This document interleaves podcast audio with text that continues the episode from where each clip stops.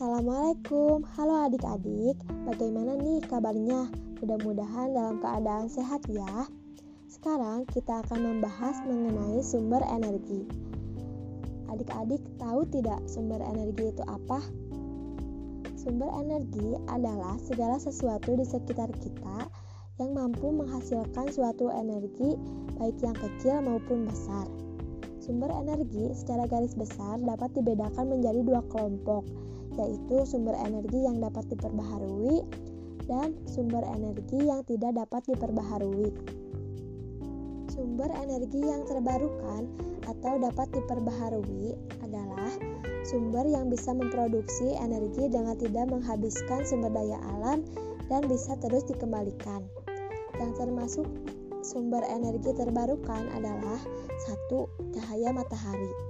Energi panas cahaya matahari dapat digunakan untuk menjemur pakaian, memanaskan air, dan menjemur ikan.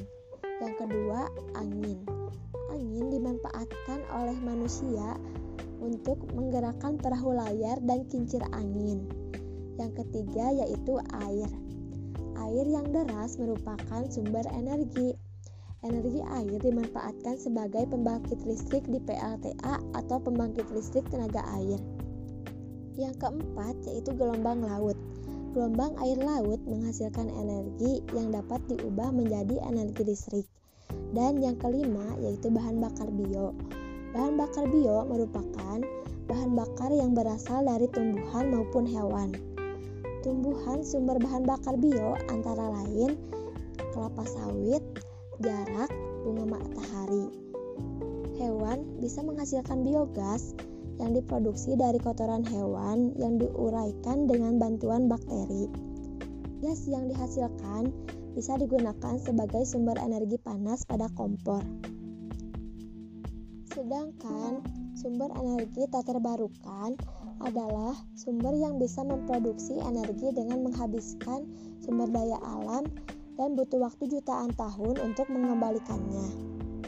Contoh sumber energi tak terbarukan adalah satu, sumber energi yang berasal dari fosil.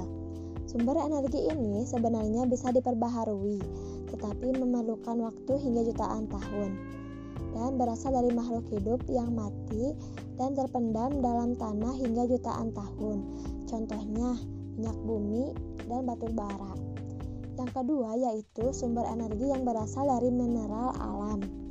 Mineral alam bisa dimanfaatkan menjadi sumber energi setelah melalui beberapa proses. Contohnya, uranium yang bisa menghasilkan energi nuklir. Baik, sekarang adik-adik sudah tahu kan mengenai sumber energi dan jenisnya? Mudah-mudahan dapat dipahami ya. Dan jangan lupa untuk belajar lebih semangat lagi. Terima kasih.